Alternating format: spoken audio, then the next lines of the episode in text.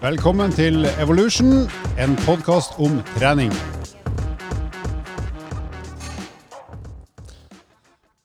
Jepps, da er vi tilbake igjen i studio her. Det er ei ny uke med begrensede muligheter, men det er muligheter, folkens. Og uh, som vanlig så tar vi en uh, runde rundt uh, det flotte bordet her for å høre hva gutta i studio har tenkt å gjøre i den, de dagene som kommer.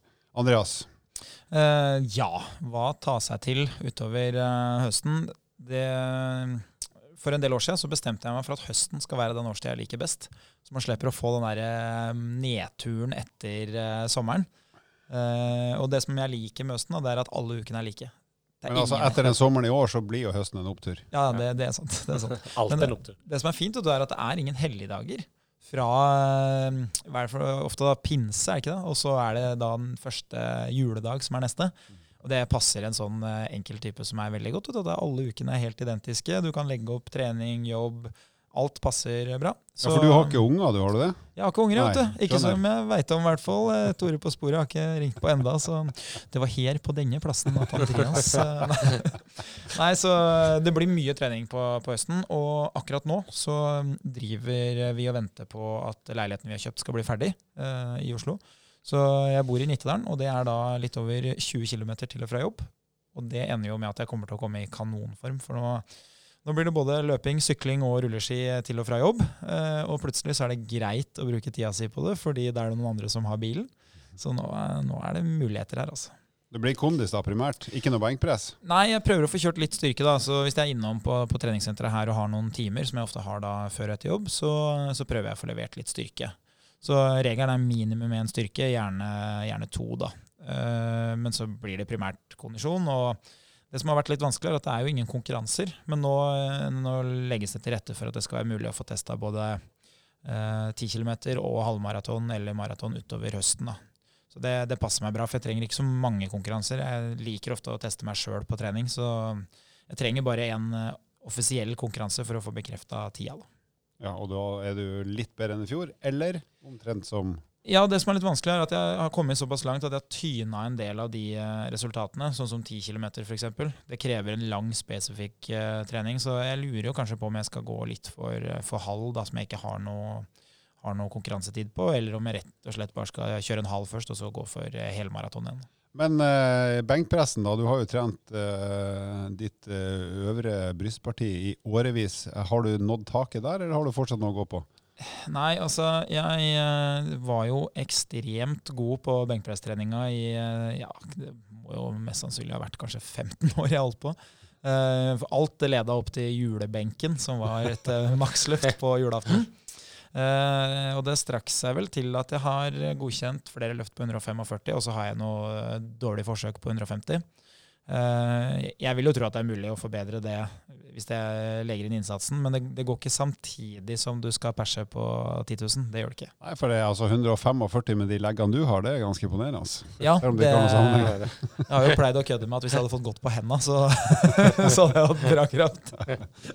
Ok, Lars, hva tenker du om høsten og din eh, aktivitet? Nei, I motsetning til Andreas så eh, består styrketreninga mi av Jeg er inspirert av eh, Mr. Sobek, så jeg kjører enarms brystpress, stort sett. Ja. Og for de som ikke vet det, da, han lydteknikeren og tegneseriefiguren, og delvis ansatt i EVO, han trener da brystpress med én og én arm, og han sitter da på tvers på apparatet. Ja. Så du kan observere han rundt om på EVO-sentrene i Oslo. Ja. Nei, eh, for spøk til alvor. Eh, jeg har ikke så lang reisevei som Andreas, heldigvis. Bor i Nydalen. Så for meg er, er transporttreninga de få gangene jeg springer til jobb, det er ca. 7 km. Men jeg har eh, gått litt sport i å konkurrere med 20-bussen. Altså Skøyen, Galgeberg-bussen. Her er da eh, mindre områder i Bergen, for de som er usikre på de stedene. Um, så for meg er det en kort oppvarming ned mot Ullevål sykehus. Og fra Ullevål sykehus til Skøyen så er det førstemann ned. Vinner du? Ja, per nå så vinner jeg. Så nå har jeg gått sport i å vinne mer. Men uh, han blir litt uh, bremsa, denne bussen, pga. trafikk uh, gjennom uh, Majorstadkrysset. Men, uh, men, det er artig. Når skal du ta den konkurransen i oppoverbakken nå? Nei, Det får vi vente og se. Jeg skal ned noen kilo, tror jeg, før jeg skal konkurrere andre veien. Men eh, målet er der. Men eh, utover høsten um, ja, Jeg henger med litt på Andreas. Det blir eh, litt mer volum, mengde. Uh, selv om jeg ikke har noe spesifikt å gå til. Nå ble jeg et løp som jeg skulle vært med nå i slutten av august, avlyst. Som var Stranda Fjord Trail Race, som var 52 km, vel. Det er det samme stranda som produserer skinke? Yes gode Stranda-skinko. Det er godt, det. Eh, 2500 høydemeter. Ja, det er veldig godt, faktisk. Eh, er det fint på Stranda? Jeg vet ikke. Jeg har bare smakt skinka der. Er det, er det 250 euro for Ombrella? Stranda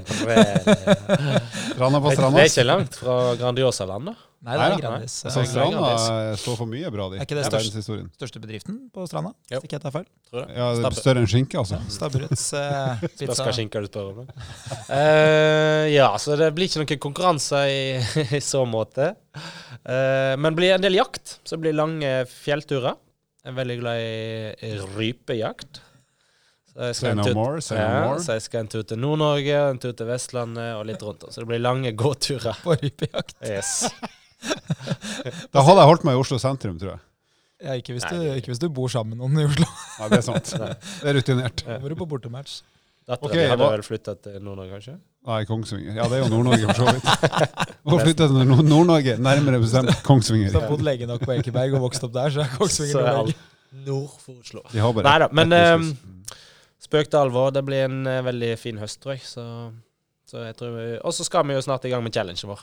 Skal ja. ikke snakke så mye om det, Nei. men uh, det Nei, nærmer seg. Det nærmer seg. Prøv å glemme Due date. Hva skal jeg gjøre, da? Jeg skal jo sykle og sykle og sykle, og sykle, men jeg skal etter hvert sykle innendørs. Mm. Og da kan jeg se på filmer og kose meg mens jeg plages. Mm. Og så har jeg funnet ut at jeg må jo begynne å løpe litt igjen, så jeg tenkte at jeg skulle ta opp eh, motbakkedrag på mølle, bare for å få litt fart på hjertebompa igjen. For den tror jeg er litt sånn dvass etter mye rolig tråkking. Ser sånn ut. Du må jo være en av de som har hatt best fremgang i år, og som ikke har testa noen ting. Du, du har jo sykla mange hundre mil, blitt i kanonform, ikke deltatt i ett eneste ritt. Jeg har satt masse personlige rekorder som ligger på internett. så da er jeg fornøyd. Hvor mye har du logga på Strava? Jeg vet ikke. Sykkel? Det er, er du over 10 000 km? Nei, nei, nei, nei, jeg har ikke så mye tid. Men jeg har vel kanskje en sånn 20 mil i uka i snitt, så det er jo ikke ja. så mye egentlig. Men det blir jo mest sånn timesøkta timesøkter i hverdag, og så blir det en og annen slenger på lørdag-søndag som er sånn 15-20 mil. Og kanskje, kanskje, kanskje, hvis uh, alt klaffer, så skal vi på en 30-milstur på søndag. Men det er jeg usikker på om jeg rekker, for da må vi jo starte tidlig. Men nå er det er du. Nå har jeg jo fått fram sykkelen sjøl. Nå sykler jeg jo til jobb av og til, så nå kan jeg jo faktisk være med og sykle. Forskjellen er jo bare at uh, Du kaller ikke det en sykkel? Sykkelen min ser ut som en traktor, mens, uh, mens din ser ut som en racerbil. Hvorfor ligger dragsuget av den her svære ryggtavla? Altså, klart, hvis jeg følger deg opp til Tryvann på den, ja, da, jeg, da, hopper jeg ut av et vindu. Da er det synd at Birken har bryst. da hopper jeg ut av et vindu langt over bakken.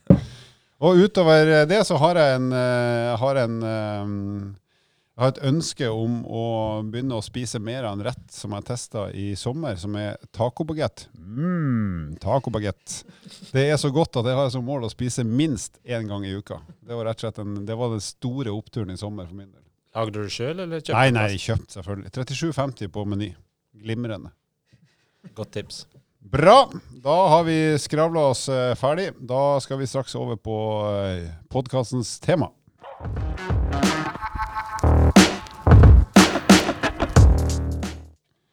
Jeps. Og i denne podkasten har vi tenkt å snakke om forbrenning. Eh, litt om eh, hva er det som avgjør forbrenninga, og hvordan kan man øke den. og både på kort sikt og lang sikt, og litt sånne tall og fakta om, eh, om forbrenninga til et menneske. Så jeg tenker sånn, eh, Hvis vi begynner med hva er det som i all hovedsak avgjør forbrenninga til et menneske, uansett alder og kjønn? Er det noen som vil hive seg utpå der? Ja, jeg kan, jeg kan, hive meg utpå. Det kan jeg gjøre. Nei, Det som avgjør forbrenninga, det er jo behovet for, um, for, oksygen. Så det er alltid egentlig um, forbruket av oksygen som styrer forbrenninga. Uh, det er jo et kjedelig svar, men det er det ærlige svaret. Så det, det koster kroppen ca. fem kalorier per liter oksygen. Og i kroppen så har vi en, en hel masse forskjellige ting som trenger oksygen. Den største driveren er jo mest sannsynlig da indre organer og muskulatur. da. Det er jo det som på en måte virkelig ønsker å bruke oksygen. Uh, indre organer har jo da en, en ganske sånn flat uh, uh, Altså et, forbruket da er rett og slett ganske flatt, for det, det krever litt hele tida. Lite endring hvis du har spist mat, f.eks. Mens um, det som virkelig kan boostes, da, og som, som, svinger, det er jo muskulaturen din. Det svinger jo i takt med forbruket, da, rett og slett. Eller hva du gjør. Vil det si hvis jeg puster mer, så forbrenner jeg mer? Eh, nei. nei. Det gjør det ikke. fordi hvis du puster mer, så altså, selvfølgelig du har en, du har en liten økning i, uh, i, forbrenning, fordi det er jo noen muskler som må brukes ved å puste. Men uh, minimalt, egentlig. Så, så, det å puste, det, det, øker bare muligheten for å ha tilgjengelig oksygen. men selve behovet er ikke noe større. Du kan jo si det sånn at Hvis du hadde dratt på butikken, da, hvis jeg skal dra inn en metafor, Eh, Nå er vi spent. Ja, mm. og, og, forbruket er det du legger igjen i kassa. Så er det samme om du har 500 kroner eller 5000 i lommeboka, hvis varen koster 10 kroner. Så det du må øke, da, det er hvor mye forbruket egentlig er. da. Jeg skjønte ingenting av det. Det, det du tenkte her, Jeg har aldri vært på butikken med 5000 kroner i lommeboka, så jeg skjønner Det jeg begynte å tenke på, var tacobagett. Og den koster bare 37,50 på Meny. Ja. Ja, men sånn, hvis vi skal gjøre det forenkle det veldig, så kan vi si at forbrenninga til et menneske er avhengig av egentlig hvor stor du er, altså hvor mange kilo du er, og så avhenger det av muskelmasse. Og så avhenger det av aktivitetsnivået ditt. Så er du veldig aktiv, så forbrenner du mye mer enn hvis du bare sitter stille et døgn. Så det er sånn grovt, grovt sagt så kan vi vel si at det er, det er liksom det som utgjør totalen i løpet av et døgn for et menneske. Men hvis vi ser på Hvileforbrenning, da, så er jo det, det, er jo det et menneske bruker på å egentlig ikke gjøre noe annet enn å sitte stille eller ligge stille. Mm. Eh, og der vet vi at sånn cirka for de fleste utgjør det en sånn én kalori per kilo kroppsvekt per time cirka. Kanskje litt mindre, men sånn røftlig. Så hvis du har en 100 kilos mann, så vil du forvente at han kanskje forbrenner en sånn eh, snaut 100 kalorier per time bare på å sitte eller ligge.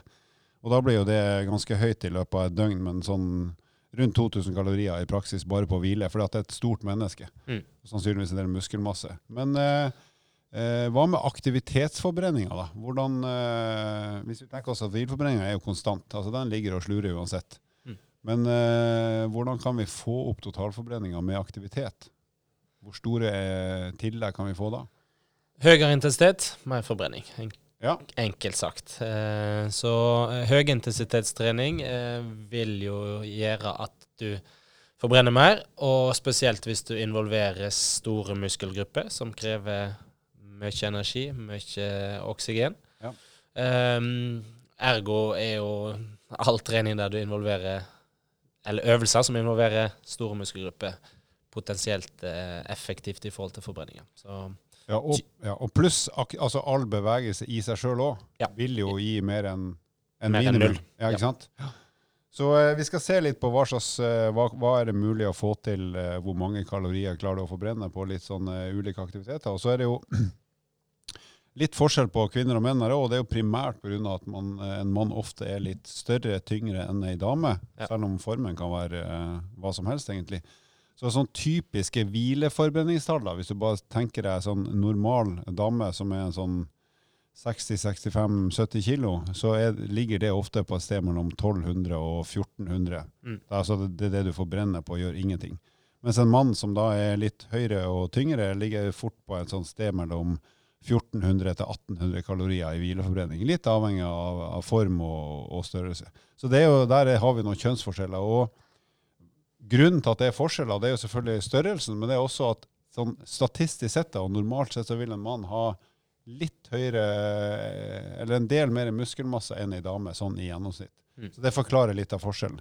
Men uh, i forhold til å forbedre ting, eller uh, øke ting, så er det jo ett fett uh, hva som er utgangspunktet for begge kjønn kan smelle på med ganske store forandringer og, på ganske kort tid. Ja. Så hvis vi skal gi noen tips, da, du var inne på det, Lars. Hvordan kan du øke forbrenninga på kort sikt og, og, også over tid? Hva er det som er lurt å legge inn da? Um, da ville jeg hatt en variasjon. Altså For det første trening med høy intensitet på kort sikt. Um, på lang sikt uh, mer muskelmasse. Um, og som vi var inne på i forrige episode, så snakka vi om styrketrening i forhold til å øke muskelvolum. Mm -hmm. og jo mer muskelmasse du har, jo mer krever det. Og jo sterkere du er, jo kjekkere blir den treningen der. For det har jo òg en, en, eh, hva skal jeg si, en eh, psykologisk eh, del i dag. Jo, mm. jo, jo, bedre form du er, jo kjekkere og lettere blir det, eller forhåpentligvis i hvert fall, den eh, høyintensitetstreninga. Så det er jo brutalt for en som er litt utrent. Mm. Men, eh, Men samtidig kommer framgangen fort også. da. Ja, ikke minst. Ja, det er oppsida. Men man må jo òg da tåle å kunne trene litt med høy intensitet. Og tørre å gå litt ned i kjelleren, som vi snakker om. Mm.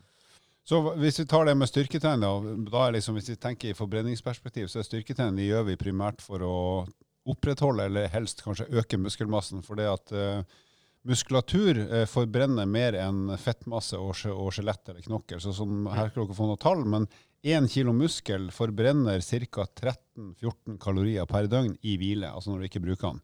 Når du bruker den, så er det selvfølgelig mye mer. Mens 1 kilo fett til sammenligning forbrenner ca. 4,5 kalorier per døgn. Så det er, i, det er, jo mange ganger høyere forbrenning per kilo muskel. Selv om de reelle tallene er en forskjell på 9 kalorier, så er det tross alt noe. Og hvis du da legger på den 4-5-6 kilo muskelmasse, så blir det fort et tall som er interessant. Mm. Mens skjelett eller knokler det er jo fint lite. Det er to, drøyt to kalorier per døgn. Så det er jo en, en, et menneskelig vev som ikke forbrenner så mye. Så du anbefaler ikke å tjukke deg til høyere forbrenning? Nei, jeg ville ha sagt nei. Hvis målet bare er forbrenning, så er det jo bare å peise på og ete seg svær. Men det er da, bulking først, og så Da får du ikke brukt kroppen til så mye, tror jeg. Ja. Annet enn å slappe av. Eh, sånn, når vi snakker om, om forbrenning og muskelmasse og sånn, og, og, hva man liksom bør gå for, så For å forenkle det for en del uh, PT-kunder, så har jeg pleid å si at vi, vi velger noen trening for uh, forbrenning i dag, mm. og så velger vi noe trening for fremtiden. Og styrketrening det er i utgangspunktet noe som er veldig viktig for alle mennesker for å kunne tåle en del arbeidsoppgaver. Mm. Og så er det primært en trening for fremtida. Du legger på deg litt muskelmasse som øker hvileforbrenninga på sikt. Med mer muskler så vil du også kunne forbrenne mer på sikt i aktivitet. Men akkurat der og da så vil du ikke kunne dra nytte av muskelmassen, for den kommer jo eh, etter en etter treningsperiode. Uh, og du vil heller ikke få noen særlig høy forbrenning i treningsøkta di, Nei. fordi det blir for lav intensitet. Mens hvis du da derimot går for en type kondisjon, eller du går for noe med høyere intensitet Det kan også være styrketrening, men da må du ned med vektene og opp med intensiteten. Mm. Da vil du ha en type trening som uh, handler om å forbrenne mye i dag. Men det er ikke sikkert at det er en type trening som på sikt gir like mye avkastning. Nei. Da må man uh, kanskje ha enda høyere intensitet, som gjør at uh, økta kanskje blir en del kortere. F.eks. hvis du velger kondisjon, så er jo intervaller noe som gjerne er litt fremtidsretta. Det er veldig effektivt, men varigheten på en kondisjonsøkt blir ikke alltid like lang. Så Derfor så er det fremtidsretta trening. Mens en type si, sykkeltur eller gåtur eller som varer i tre-fire timer, eh, f.eks., det vil være en veldig fin forbrenningsøkt for i dag. Mm. For da forbrenner du mye akkurat nå. Mm. Og i en forlengelse av det Andreas sier her, så, så er det mm, verdt å ta med etterforbrenninga, eh, som vi kaller EPOC på fagspråket. Eh, etter spesielt høyintensitetstrening, som vi nevnte på den kortsiktige løsninga. Så den er, er, ganske stor i forhold til, eller større enn lavintensitetstrening. Ja. Så at man um, har det med i beregninga i forhold til det. Så hvis du drar på med skikkelig tøff økt, kondisøkt intervalløkt f.eks., så er det målt opp mot 100 kalorier i merforbruk etter en sånn økt. Men da skal du være i ganske god form og ha gjort en ganske heftig økt. Men da er det et tall som faktisk betyr litt. Ja. Men litt sånn i, forhold til det du snakker om, Andreas, så det her med kondisjonstreninga, den den vil, jo gi et ganske høyt forbruk der og da, mm. som jo er, utgjør mye på en sånn døgntotal. Ja. Og så hvis du da har de intervalltreningene som på en måte er såpass tøffe at du også reelt sett kommer i bedre kondisjonsform og får et større og sterkere hjerte, så har vi sett indikasjoner på at det faktisk kan påvirke hvileforbrenninga også litt uh, på sikt. Og ja. Det er det gjort en del tester på, bl.a. har vi rundt bordet her gjort en del tester der som, mm. som, viser det. Og kanskje aller viktigst, da kommer du i form til å gjøre enda mer i de neste øktene, for at kondisen har blitt bedre. Ja, og, og det er sånn det er jo ofte en ting som man kanskje vet lite om, men som man har større tiltro til. Mm. Uh, et par sånne uh, punkter som jeg veldig ofte opplever hos PT-kundene, det er hvileforbrenning. Man, legger, altså man tilegner hvileforbrenning veldig mye mer effekt enn det man reelt sett får. Så forskjellen på å ha høy hvileforbrenning og det å ha lav hvileforbrenning uh, hos samme person, den, den, er ikke så voldsom. hvis du sier at jeg velger nå å, å, trene i et halvt år for å øke hvileforbrenninga mi drastisk. så kanskje jeg oppnår en, en forskjell på 150-200 kalorier. Det betyr jo at med den kroppsvekta jeg har, så trenger jeg bare å knyte på meg skoa om morgenen og løpe to kilometer. Da har jeg spist opp hele forskjellen på god og dårlig hvileforbrenning. Så Derfor så må du på en måte alltid være i aktivitet. Eh, det som er Fordelen er jo at for å skape høyere hvileforbrenning, så må du jo ha gjort en jobb som gjerne gjør at du er i bedre form. Mm. Så gevinsten tilfaller alltid den som på en måte er godt trent. Da. Du mm. får høyere hvileforbrenning samtidig som du er i god nok form til å kunne trene mer. Ja. Det er egentlig litt urettferdig, selv om det er rettferdig. Makes sense. Ja, ja, det, det, gir mening. Ja. Ikke sant? Nå skal ikke jeg dra oss inn på mye rundt kosthold, men, men, det er litt det samme som gjelder rundt kosthold. at man man velger å gå løs på de små detaljene som handler om promille, og så det, velger man liksom bare å, å droppe den, eh, den delen som, som, handler om å skape store endringer. Da. De, liksom de store primærfaktorene som folk rundt meg blir ofte litt sånn lei når jeg sier ja, det handler om å spise mindre enn det du bruker. Det handler om å leve. Det handler om å leve.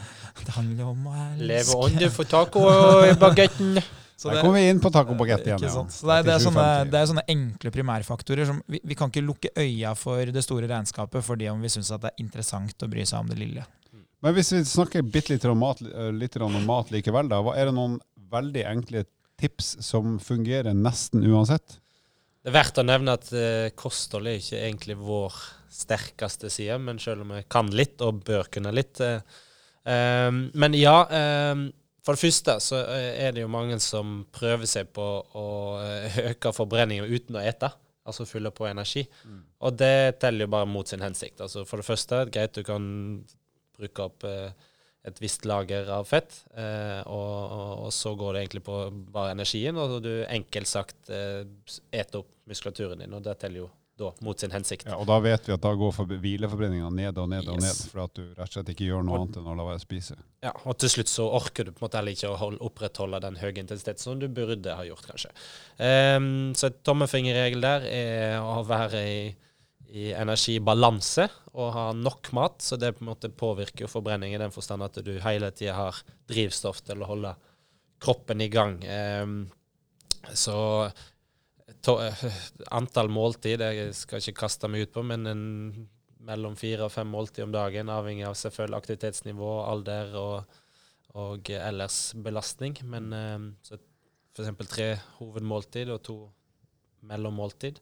Ja, Så spise ganske hyppig, men sånn i kontrollerte mengder, da, sånn at du på en måte får det du trenger uten at det blir noe overflod? Ja, og en fin fordeling i forhold til uh, næring, uh, eller i forhold til fett, karbohydrat og protein. Ja, jeg hadde en uh, relativt god venn av meg som fant ut at han, han hadde en kostholdsrytme som tilsa at han spiste sånn 70% av matinntaket sitt etter klokka ni på kvelden. For da satte han seg i sofaen og så på alt mulig piss på TV-en. Ja. Så han, når han slutta, han bestemte at jeg spiser ikke mat etter klokka 21.00 uansett. Og det var den ene tingen som fikk han til å rase ned i vekt. Mm. Da spiste han selvfølgelig mer, enn, altså mer før klokka ni, men han slutta med den der, ekstreme kosespisinga hver kveld, som ja. egentlig bare sklir og sklir uten at du har noe regnskap på hva som foregår. Jeg hadde, hadde, en kunde som, eh, som, gikk ned 18 kilo i vekt på, på ett år. Og hovedårsaken til det var jo at uh, når han slutta på jobb, så dro han hjem, spiste mat, og så spiste han middag etterpå med familien. Uh, og så utfordra jeg ham på uh, om vi kunne finne noen ting som gjorde at han brukte mer kalorier. Og han likte å gå, da, så han valgte å gå hjem fra jobb. Mm. Eh, Ca. 10-11 km. Da bruker du fort to timer. Mm. Og det som skjedde da, det er at da rakk han ikke hjem til å få stor nok differanse til at det var naturlig å spise før middag. Mm. Så én, du bruker kalorier på å komme deg hjem. To, du fikk ikke innta de kaloriene som du vanligvis inntok, så får du en dobbeltgevinst.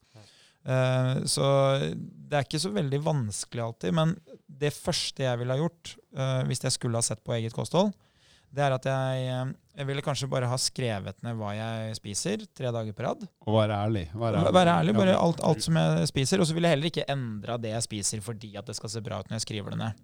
Uh, og det man ofte ser der, at man finner noen sånne gratispunkter som man kan ta bort. Veldig ofte så ser man at de fleste de har over 500 kalorier gjennom væske. Mm. Så hadde du begynt å drikke vann og kaffe, kanskje litt eh, saft uten sukker, og Pepsi Maxi, og Pepsi Max så ville du ha fjerna 500 kalorier, som i utgangspunktet er en halvkilo med vektreduksjon i uka. Mm. Så det trenger ikke å være veldig vanskelig. Samtidig så kan du også finne andre ting som du spiser gjerne sånn som seint på kvelden. Tacobagett. Taco Utfordre seg sjøl til å kanskje droppe det siste måltidet. Eh, det er ikke alle som sover godt uten å ha spist, men kanskje man eh, isteden kan prøve da å, å, spise litt tidligere på kvelden, så at man slår sammen to måltider, og så gå og legge seg. fordi eh, da har du på en måte fått unna den dagen. Du, har, du mangler de 200-300 kaloriene, og så starter du dagen igjen med frokost morgenen etter. Hvis vi skal oppsummere litt sånn i forhold til forbrenning, altså noe sånn normaltall vi nevnte litt i stad, hvis du tenker deg et, uh, en gjennomsnittlig dame som forbrenner sånn rundt 1200-1300 kalorier per døgn, og så sier vi at uh, med sånn normal aktivitet som er sånn å rusle rundt i livet i 30 minutter, så får du kanskje et par hundre kalorier oppå der. og så hvis du da i tillegg får deg ei økt, enten med styrke eller kondis eller begge deler, så kan det bli ganske mye mer. Så hvis vi skal lage et slags, eller hvis du Andreas lager ei sånn perfekt eh, forbrenningsøkt eh, med kondistrening, eh, hvordan kunne den sett ut for en, en, person som er i sånn høvelig form, men som har lyst til å komme i enda bedre form? Der målet er å forbrenne mest mulig. Ja, det, det, som er litt vanskelig, eh, er eh, når du skal legge opp trening. Så jeg pleier alltid å bruke to forskjellige økter. Den ene er gjerne intervalløkt for å drive opp potensialet for å forbrenne mer i morgen. Uh, så det er ikke i dag vi får avkastninga. Vi mangler kanskje 100 kalorier når økta er ferdig, men på sikt så vil det være 100 mer enn det det var. Mm. Og når du skal trene tøft, så handler det om å skape nok tid, men det må være kort nok eh, splitta opp, da, altså intervallene må være korte nok til at du kan holde høy nok intensitet, at pulsen blir høy. Ja, Så du skal ha et visst antall minutter med høy intensitet, men du splitter opp sånn at det blir kort nok til at du faktisk uh, syns det er ålreit å gjennomføre? Ja, mm. så jeg pleier å si sånn at hvis du er helt, helt nybegynner, du har aldri trent tøft før, så kan vi bevege oss ned mot ti minutter når vi oppsummerer hvor mange minutter vi har hatt med høy puls. Mm. Uh, og det kan godt hende at du er i en form hvor intervallene er å løpe, altså jogge, syv mm. km i timen. Og oppvarming og nedtrapping er å gå. Mm. Så jeg har masse intervaller med folk som i utgangspunktet ikke kan løpe, hvor de løper intervallene sine. Mm. Så eh, det å treffe på intervaller, det handler ikke om at du skal løpe, det handler om hvilken form du er i, og at pulsen og pusten skal være høy. da. Så eh, det jeg pleier å gjøre, da, at jeg slår sammen om du, Det er helt uavhengig om du løper 45-15, om du løper 20-10, om du løper 5 minutter. Så det skal være gjerne over ti minutter. Mm. Hos godtrente så må vi nok eh, opp i rundt 20, kanskje helt opp i 25-30 minutter totalt sett. Så jeg ønsker å komme meg opp mot 20 minutter. Uh, og ja, det er effektivt å kjøre 2010, men da begynner man å forstå at da blir det en god del runder. Hvis du skal slå sammen 20 sekunder, 20 sekunder du, du, må ha tre runder bare for å få ett minutt. Så du må ha 30 runder for å få 10 minutter. Mm. Så Da blir plutselig ikke de øktene så veldig artige allikevel. Og det det handler om, det er at hjertemuskelen den må få belastning, sånn at hjertemuskelen kan bli en større muskel. Og da må det være nok trening. Du kan ikke bare kjøre ett løft med benkpress og så dra hjem. Du er nødt til å ha mange løft, sånn at det blir nok volum. Mm. Så en intervalløkt, eh, ca. ti minutter eller mer. Eh, start gjerne rolig. De fleste starter for tøft. Det er ikke noe mål om at det skal være for tøft. Det er bedre å bomme med 10% for lite enn 10 for mye. Mm. For da ender man bare opp med å måtte avbryte økta. Og Det er jo diggere å avslutte med det beste draget enn at det er det verste. Ja. Og så en sånn veldig gylden regel, det er kroppen trenger at noe blir tyngre. Så start heller altfor rolig etter ferien. Gjør ting tyngre. Så de første intervallene, ja, kanskje det var jogging. da, Det var veldig behagelig å løpe intervall. Mm. Det blir kjipt nok i andre enden hvis du øker med 0,1-0,5 km i timen hver økt du trener. Uh, og den andre økta det er en økt som handler om å jobbe sammenhengende for å kunne tåle det og trene mer. Ja. Uh, men da får du fordelen av at forbrenninga er der. Hvis du ikke er i stand til å gjøre noe mer enn å gå, f.eks., så ville jeg kanskje gått i bratt motbakke. Jeg ville starta rolig for å få varma opp litt, men så ville jeg peisa på og holdt så høyt tempo som mulig sammenhengende. Mm. Kanskje 30 minutter hvor det går litt. Gitt deg kanskje et par minutter, og så tyna en fem-ti minutter til, og så gått rolig. Mm. For da, hvis du, målet er å oppnå høyest mulig forbrenning, da må det være høyest mulig gjennomsnittlig puls i økta. Mm. Uh, og så på sikt så er jo målet selvfølgelig at den skal løpes. For forskjellen på, på en som er godt trent, da, hvis du ser på forskjellen på den farta jeg løper i på én time, kontra en som knapt klarer å løpe, det er jo at for hver eneste uh, kilometer jeg løper, så bruker jeg et visst antall kalorier. Og i løpet av min time så kan jeg tilbakelegge flere kilometer enn den som er dårlig mm. trent. Så forskjellen på 15 km og 7 km det er jo at jeg forbrenner dobbelt så mye. Mm. Ja. Og vel så det. Ja.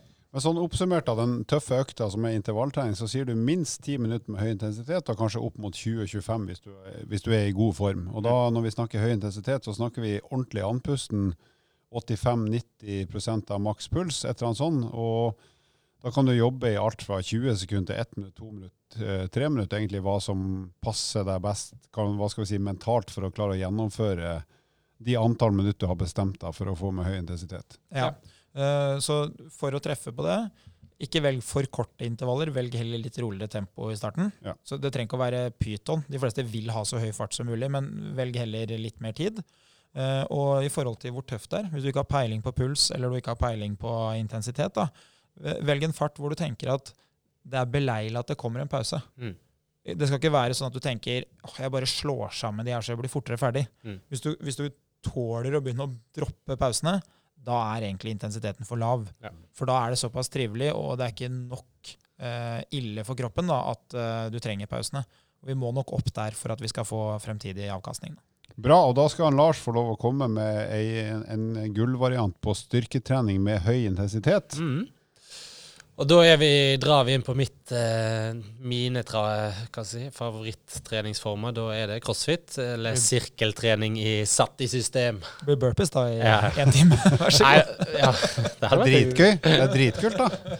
Altså, det er jo forlengelsen av det Andreas sier, og det man bør tenke og ha som en tommefingerregel at uh, pausene i utgangspunktet ikke blir en fysiologisk pause, men en psykologisk pause. Vil si Pulsen igjen synker ikke så mye at gjennomsnittet blir for lavt. Um, så øvelser som involverer store muskelgrupper, uh, gjerne med kroppsvekt, fordi man kan få høy intensitet med det òg, eh, men da involverer f.eks. noen kondisjonsapparat inni sirkeltrening, eller inni i sirkel. Mm. Um, og gjerne litt som lengre varighet der òg, og at ikke intensiteten blir for høy fra start, at man går på en liten smell og må senke intensiteten, men at man klarer å holde en jevn intensitet som er relativt høy, og der hjertepumpa går. Um, og ved å bruke store muskelgrupper, f.eks. For, for en, en knebøy f.eks., eh, med uten ytre belastning, så krever det ganske mye mer enn en,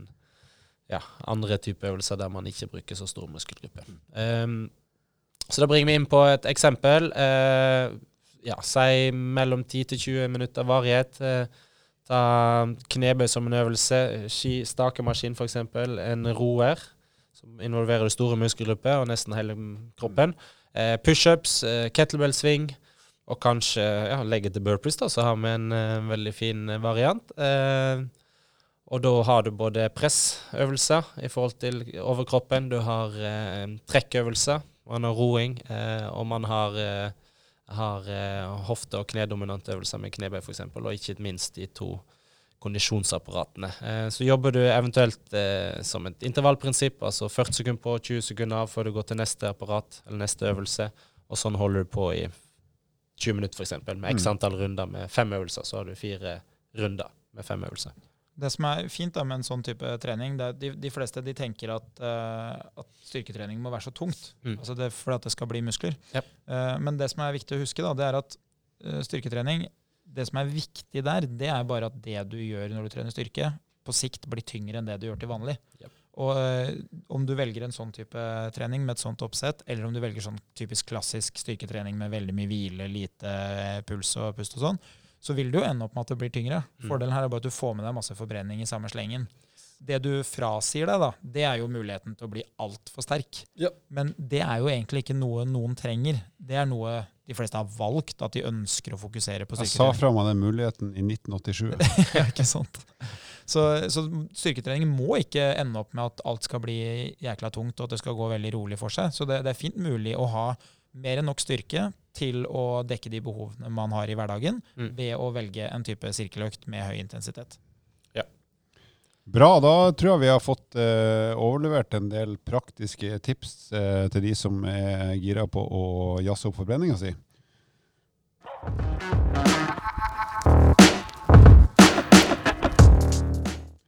Jepp, så da er vi over på eh, den eh, ganske faste spalten som er fun facts, eller en eller annen merkelig informasjon om et eller annet som har med menneskekroppen å gjøre. Og uh, i dag har jeg fått lov å søke på internett for å finne ut noe rart. Og da har jeg bl.a. funnet ut at øyemusklene er de mest aktive i menneskekroppen. Uh, de beveger seg mer enn 100 000 ganger per døgn. Uh, det er ganske heftig. Apropos, apropos intervalltrening, så er det ganske heftig. En annen merkelig eh, sak som både er sant og kanskje litt spesielt eh, aktuelt i koronaperioden, det er at eh, når vi hoster og nyser, så, så, er det en del luft som blir presset ut i ganske ekstrem høy fart. Så et host har i gjennomsnitt eh, en utgangshastighet på rundt 100 km i timen. Det er til og med fortere enn Andreas løper i nedoverbakke. Og et nys er oppe i 170 km i timen. Det er fortere enn Lars Mæland i fritt fall. Mm. Faktisk. Makshastighet for fritt fall, menneske? 200 km i timen. Men Lars er litt lavere, for han har så brede, brede skuldre. Mye luftmotstand. eller, eller er det hoftepartiet? Faller som et ark. ja, bra. Og uh, før vi avslutter for uh, dagen, så vil vi minne om uh, konkurransen som går hele tida nå. Det er mulighet til å vinne et sett med turnringer. Vi har totalt fem sett med turnringer som leveres av treningspartner. Og for å bli med i trekninga av de, så trenger du bare å sende inn et spørsmål til oss via Instagram eller Facebook. Eller rate oss på et eller annet uh, medium der du kan rate podkasten. Og uh, ta en screenshot av at du har rata oss, og da er du også automatisk med i trekning av de uh, kule premiene. Så da tror jeg vi overlater ordet til Andreas, han kan si et eller annet rart før vi er ferdig med podkasten. Sayonara. Send inn spørsmål til oss på EVO Fitness. Vi fins både på Instagram og Facebook. Og vær grei å abonnere på podkasten på Apple Podkast eller Spotify.